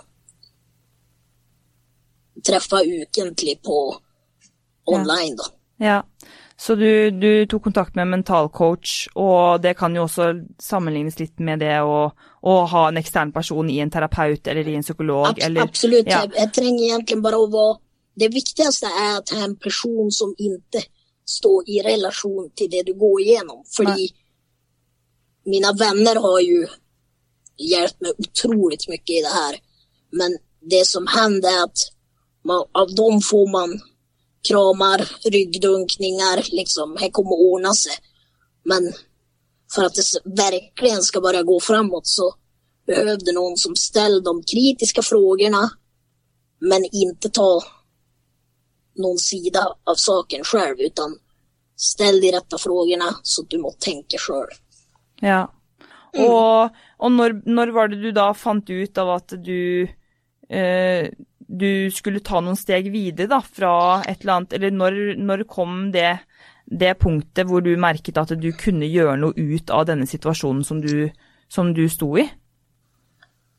Altså, jeg har alltid likt å skrive, men jeg har liksom skjemtes lite grann för och liksom visa det utåt då. Jag har aldrig liksom velat skriva och visa någon vad jag skriver. Du har et skam å, for å skrive Nej, Men det var lite sån, du mann, man, du skal ikke sitte og skrive om dine kjensler. det er Sånn, ja, så du er mann, du skal ikke ha, vise følelsene dine. Nei, ikke sant? Men, Ja, okay. men sånn ja. är det jo, ikke sant? Mm. Ja. Sånn er det. Ja, dessverre. Tror- Ehm, och så tenkte jeg at faen, jeg har jo ingenting å forlore. Jeg er jo redan på absoluta bunn.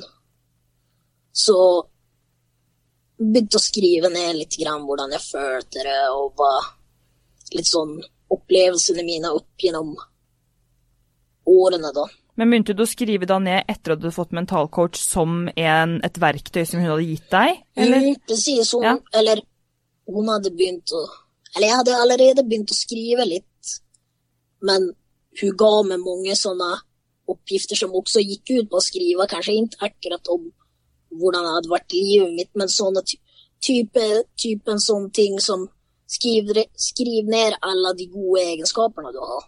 Alt det du er bra på, alt som Bare en sånn ting. Ja. Og da du skulle Så- skrive ned hva dine gode egenskaper var, så var det for at du skulle at du skulle få det bedre med deg selv, da? Eller for at du skulle Ja, klare å- å for å se hvor, hvor mye jeg faktisk hadde å tilby denne verden. Ja. Når jeg selv tykte at jeg kunne like gjerne ta bort meg fordi jeg hadde ingenting å erbjude her. At du følte ikke hadde noe å bidra med, ja? For at du Nei, ikke sant. Okay.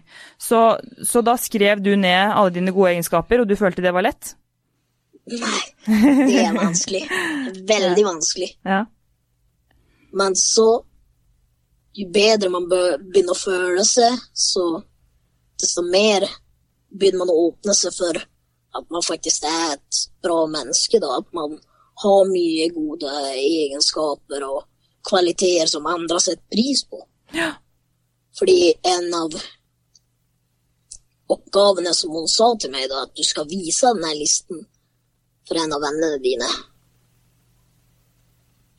Og bare det var jo veldig ikke sant, Janteloven og alt det her, at du skal Ja, det er så skummelt. Ja. plutselig begynner å vise en liste der du har Men Ja, hvem tror du at du er? Ja, det er litt, det må faktisk si at det er veldig synd at det er sånn, at det er. Sånn det er at vi, det er en kultur i Norge som fortsatt lider litt av den janteloven-følelsen av at du skal ikke tro at du er noen ting. Så du, hvorfor skal du tørre å stå frem og være stolt over ting, eller å, å si at du er flink til å gjøre noe?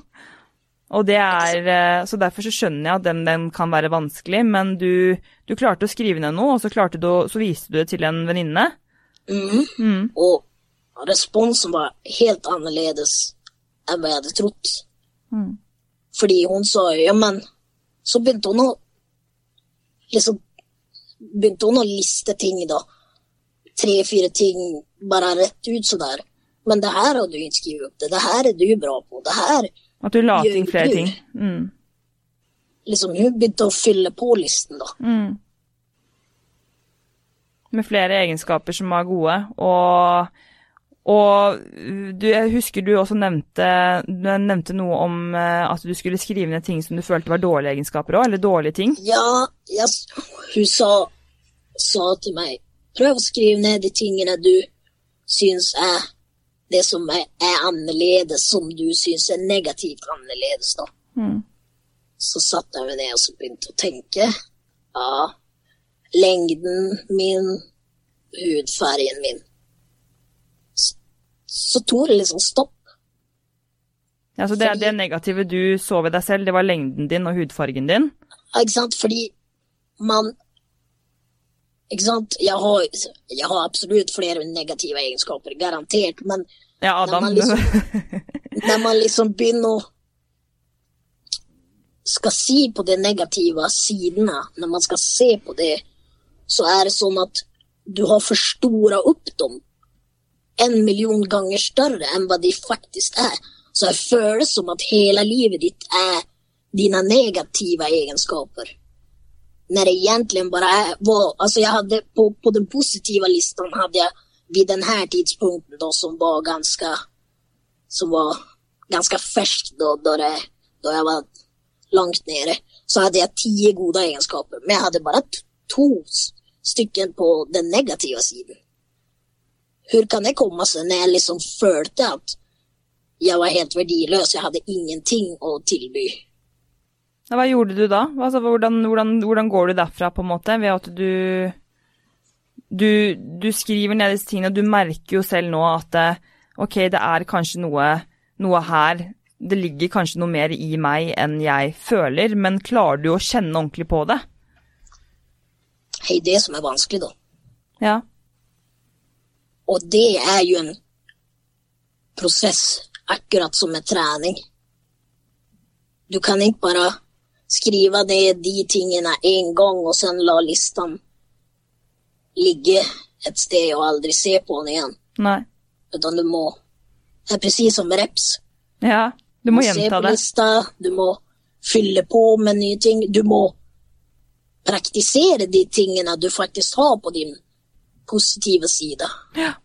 Så at de blir forsterket, og de blir mer og mer virkelige. Ja. Da, da begynner det å skje en riktig forandring i, i livet ditt. Eller jeg hadde redan begynt å ha litt sånn tanker på kanskje jeg skulle skrive en bok, da. Men da blir det litt sånn her, da blir det mot janteloven igjen. Hvem er jeg? jeg hva har jeg gjort? Jeg, Ja. jeg, jeg er ikke rik, jeg er ikke kjent eller berømt, eller altså Hvem skulle ville lese min bok? Men her kan jeg jo ikke vite før jeg skriver en bok. Nei.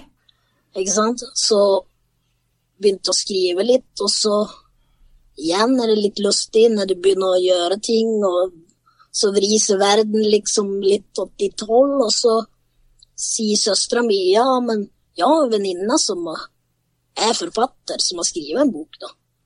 Så kommer jeg i kontakt med henne og får litt hjelp, og så begynner jeg å skrive enda mer, og så har jeg et første utskikk som hun liksom, jeg tenkte nå får hun lese det her, og litt beroende på hvordan kniven faller, så om jeg nå ens gidder å fortsette med det her, så blir hun som selv har skrevet en bok, blir veldig tatt av boken og synes at det er bra stoff, og at det trenger å utvikles, så klart, men at det er liksom på god vei til å bli en bok, da.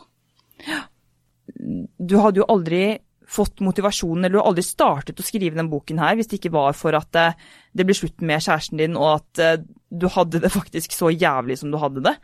Eh, du hadde jo, det var jo motivasjonen som du kanskje trengte til å starte en, en, en ny reise. Ja, ikke sant? Da, da var det liksom der igjen, det vi er på.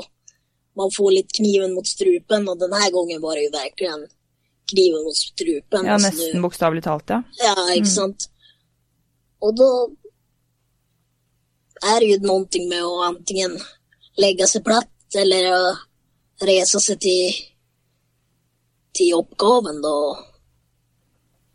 Bare bite tennene sammen og gjøre noe. Altså, hadde, jo- hadde, jo- jeg tror ikke at det hadde spilt noen rolle hvis det var en bok eller hva jeg enn hadde tatt meg før. men det var helt plötsligt var det et syfte at fortsette livet, da.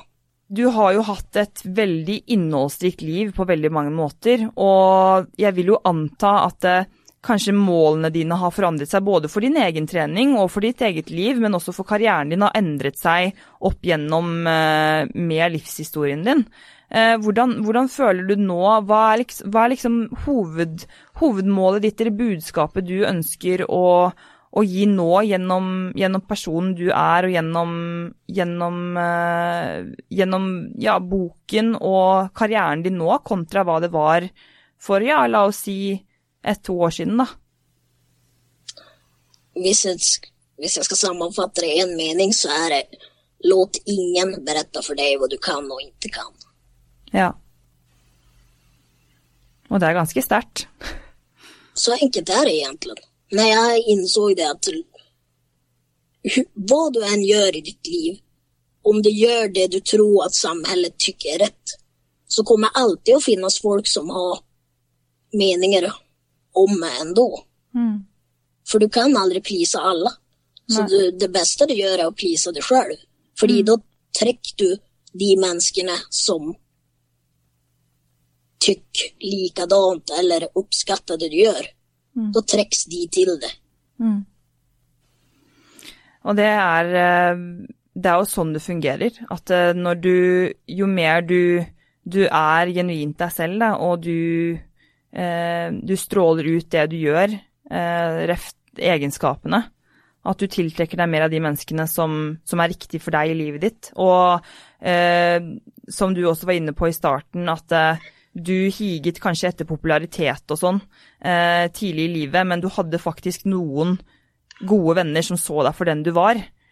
Og handler kanskje litt om å komme tilbake til det nå, nesten. At det blir en sånn eh, Se tilbake på livet ditt og tenke hva du eh, kanskje var Angre litt på at du ikke, ikke Eller tok for gitt, da, på skolen, og hva du satte pris på og ikke satte pris på. At du nå verdsetter eh, verdsetter eh, det mye mer.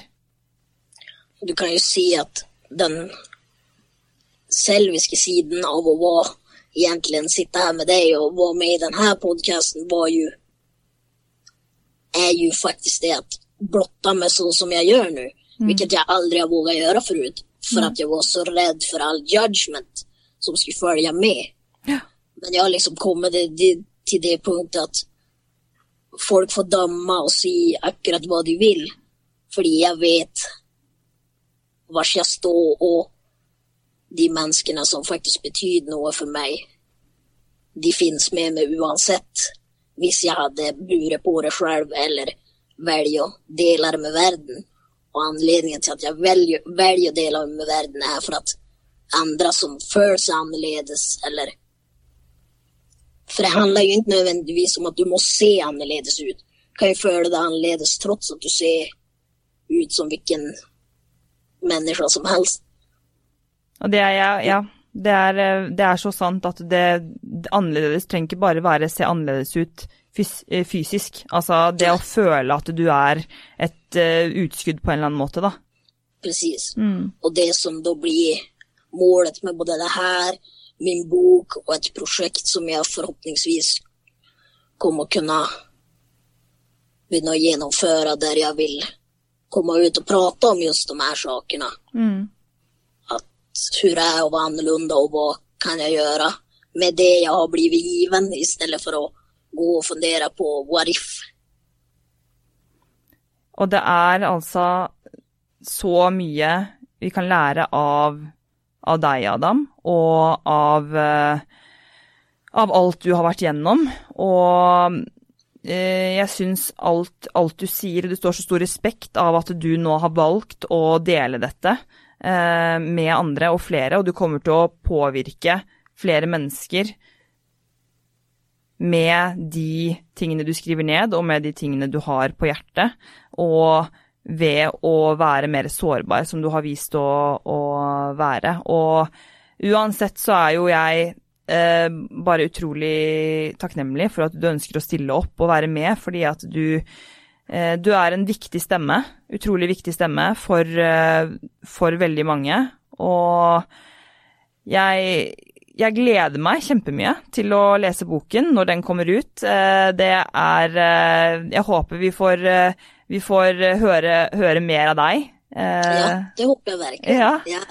Det hadde Syns det er en kjempefin ting du gjør her. Det med å koppla sammen det fysiske og psykiske. For som jeg nå har sagt her gjennom podcasten at den største forandringen for meg har skjedd psykisk gjennom fysisk trening. Ja. Og det er jo det vi ønsker, og hovedbudskapet egentlig mitt eh, med, med podkasten og med min karriere og med, med det jeg ønsker å formidle mest. Så tusen takk for at du sier det, Adam. Og, og jeg, jeg satser, og eller satser ikke på, jeg, jeg vet at eh, dette er, er ord som jeg kommer til å ta med meg, og som veldig mange av lytterne kommer til å ta med seg videre. Og er det noen, noen avsluttende ord som du føler at du ønsker å, å si, som, eh, som, eh, som jeg og lytterne kan ta med seg, ta med seg videre? Slutt å tenke på det og så begynne å gjøre. Ja, det er faktisk en veldig fin oppsummer, et fint oppsummerende sitat fra Adam Haraldsson, faktisk. Eh, og jeg, jeg, er helt sikker på at jeg, eller jeg håper at du ønsker å stille opp igjen i podkasten når, når, du har kommet litt lenger på boken, kanskje eventuelt har gitt den ut, og kunne snakke litt mer rundt, rundt Jeg tror det er veldig mange temaer rundt både, både kropp og, både, og karrieren vår som PT-er og det er så mye mer da, som vi kan hente frem, og jeg er jo så glad i deg, og vi har jo, vi har jo en historie sammen, og du kjenner jo meg fra, fra før jeg er den Silje jeg er i dag òg, kan vi jo si, på mange måter. Så jeg håper du vil det, og um, tusen takk for at du stilte opp igjen. Absolutt. Tusen takk sjøl. Takk, Adam. Og vi, vi snakkes veldig, veldig snart. Og takk for at du er med der hjemme også. Og så må du huske å være snill med deg selv. Ha det bra.